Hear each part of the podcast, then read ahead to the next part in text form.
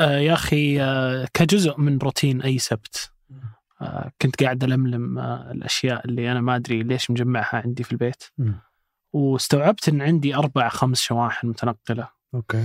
وما عاد أحد يستخدمها يعني. مرة. ف يعني كمواطن واعي كنت أقول لا خطر هاي تجلس هنا. فأبغى. أتخلص منها. okay. طيب كيف؟ صدق. أنت متوقع إن سالفتي إني بقول لك كيف؟ الحقيقة إني بحثت ما لقيت بالله؟ طريقة صدق، تتخلص؟ فيها من هذه شلون؟ الاجهزه يعني ما ينفع تحطها بالزبالة. لا قطعا. هذه مشكلة. بتنفجر لا ولا شك. تكسرها. لا. ما إيش بيصير. وشلون؟ صدق والله ما أعرف. هذا بودكاست الفجر من ثمانية. بودكاست فجر كل يوم نسرد لكم فيه سياق الأخبار اللي تهمكم. معكم أنا إبراهيم القرعاوي. وأنا فارس الفرزان.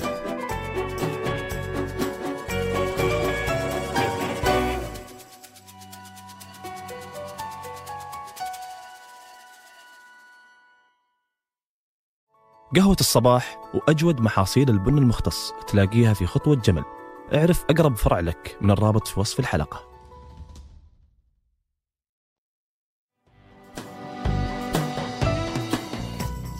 في عام 2000 اجتمع زعماء العالم في الأمم المتحدة عشان الاتفاق على رؤية واضحة ومحددة لمكافحة الفقر. صدر عن هذا الاجتماع الأهداف الإنمائية الثمانية للألفية. ركزت هذه الأهداف الإنمائية الثمانية على مشاكل عالمية مثل إنهاء الفقر الشديد ووقف انتشار مرض الإيدز وتوفير التعليم الابتدائي لكل الأطفال بحلول عام 2015 وتقول الأمم المتحدة بأننا مو على مسارنا الصحيح فيما يتعلق بتحقيق الاستدامة والقضاء على الجوع. اليوم في أكثر من 820 مليون شخص تعودوا أنهم ينومون وهم جايعين.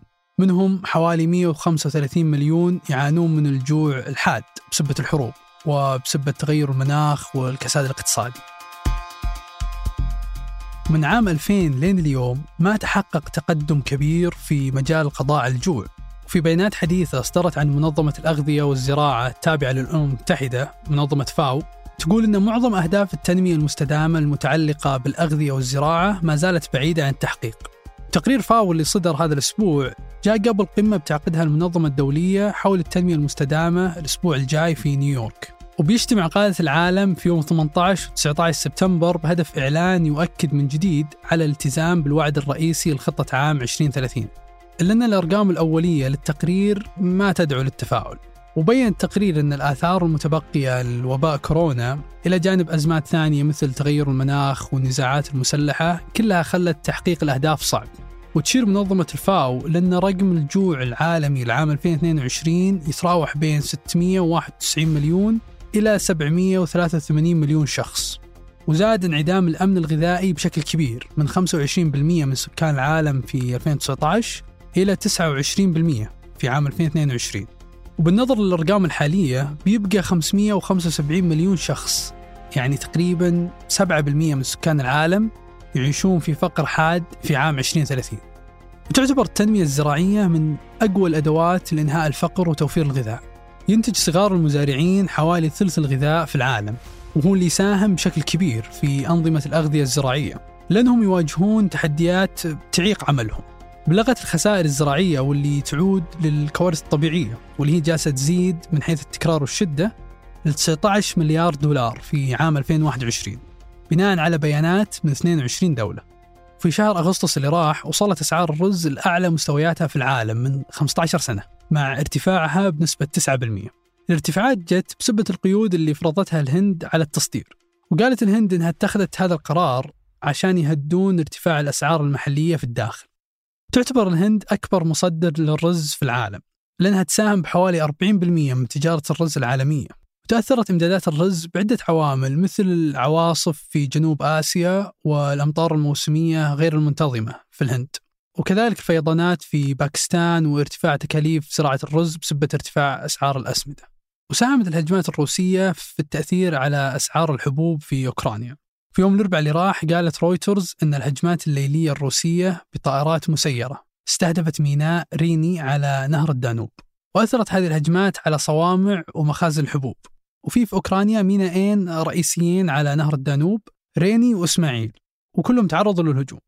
وكانت موانئ الدانوب الأوكرانية منفذ لربع صادرات الحبوب. قبل انسحاب روسيا من اتفاق تدعمه الأمم المتحدة آه، لتصدير الحبوب الأوكرانية عبر البحر الأسود.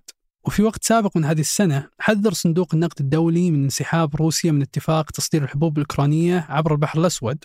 وهذا التحذير ممكن يرفع أسعار الحبوب لحوالي 15% من الأشياء اللي رفعت أسعار الغذاء العالمية هو الهجوم الروسي على ميناء إسماعيل في أوكرانيا في بداية أغسطس واللي يهدد نظامنا الغذائي مو بالحروب لحالها ولا تغيرات الطقس بل فعليا التلوث والنفايات.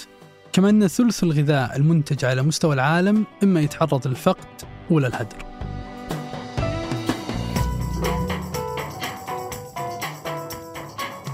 وقبل ننهي الحلقة هذه أخبار على السريع.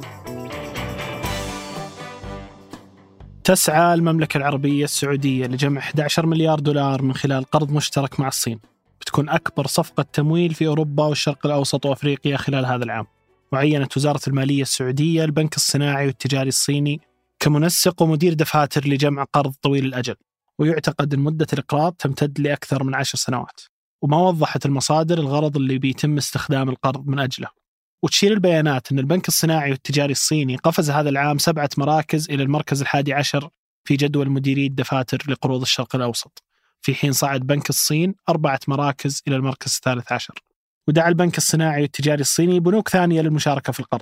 جدير بالذكر أن السعودية تتمتع بتصنيف ائتماني عند مستوى A1 من وكالة موديز وتصنيف A plus من وكالة فيتش وفي الكويت أعلنت جامعة الكويت إلغاء الاختلاط بين الجنسين داخل القاعات الدراسية. قال مدير جامعة الكويت بالإنابة الدكتور فايز الظفيري الأصل في الشعب الدراسية في الجامعة هو انفصال الإناث عن الذكور إلا إذا اقتضت الضرورة عكس ذلك.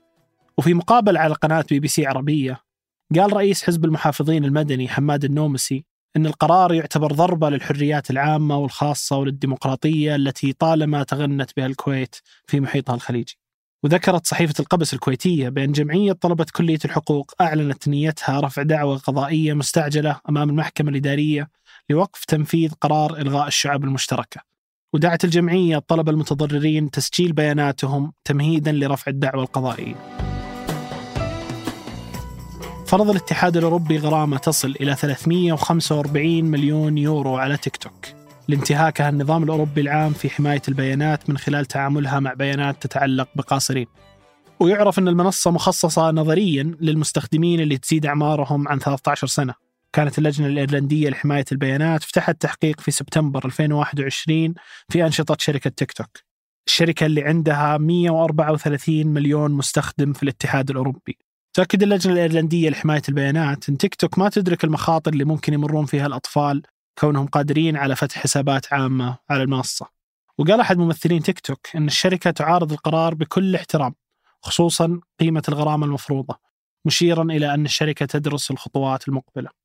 تتمتع اللجنة الإيرلندية لحماية البيانات بسلطة التصرف نيابة عن الاتحاد الأوروبي لأن المقر الرئيسي لشركة تيك توك في أوروبا يقع في إيرلندا.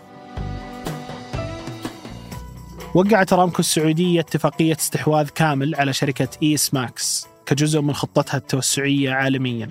صنف إيس ماكس كشركة رائدة في مجال تجارة التجزئة للوقود ومواد التشحيم في تشيلي. ويشمل نطاق أعمالها محطات بيع الوقود بالتجزئة وأعمال المطارات. تمثل هذه الصفقة أول استثمار لأرامكو السعودية في أعمال التجزئة والتسويق في أمريكا الجنوبية وقال رئيس التكرير والكيميائيات والتسويق في أرامكو محمد القحطاني أن هذه الاتفاقية مهمة لتوسيع نطاق أعمالنا بقطاع التجزئة ومواد التشحيم والتجارة وقال أن هذا الاستحواذ يعتبر منصة لإطلاق علامة أرامكو السعودية سواء في تشيلي أو على نطاق أوسع في أمريكا الجنوبية.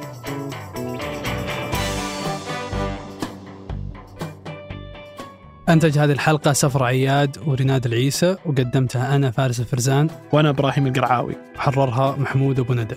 نشوفكم بكرة الفجر.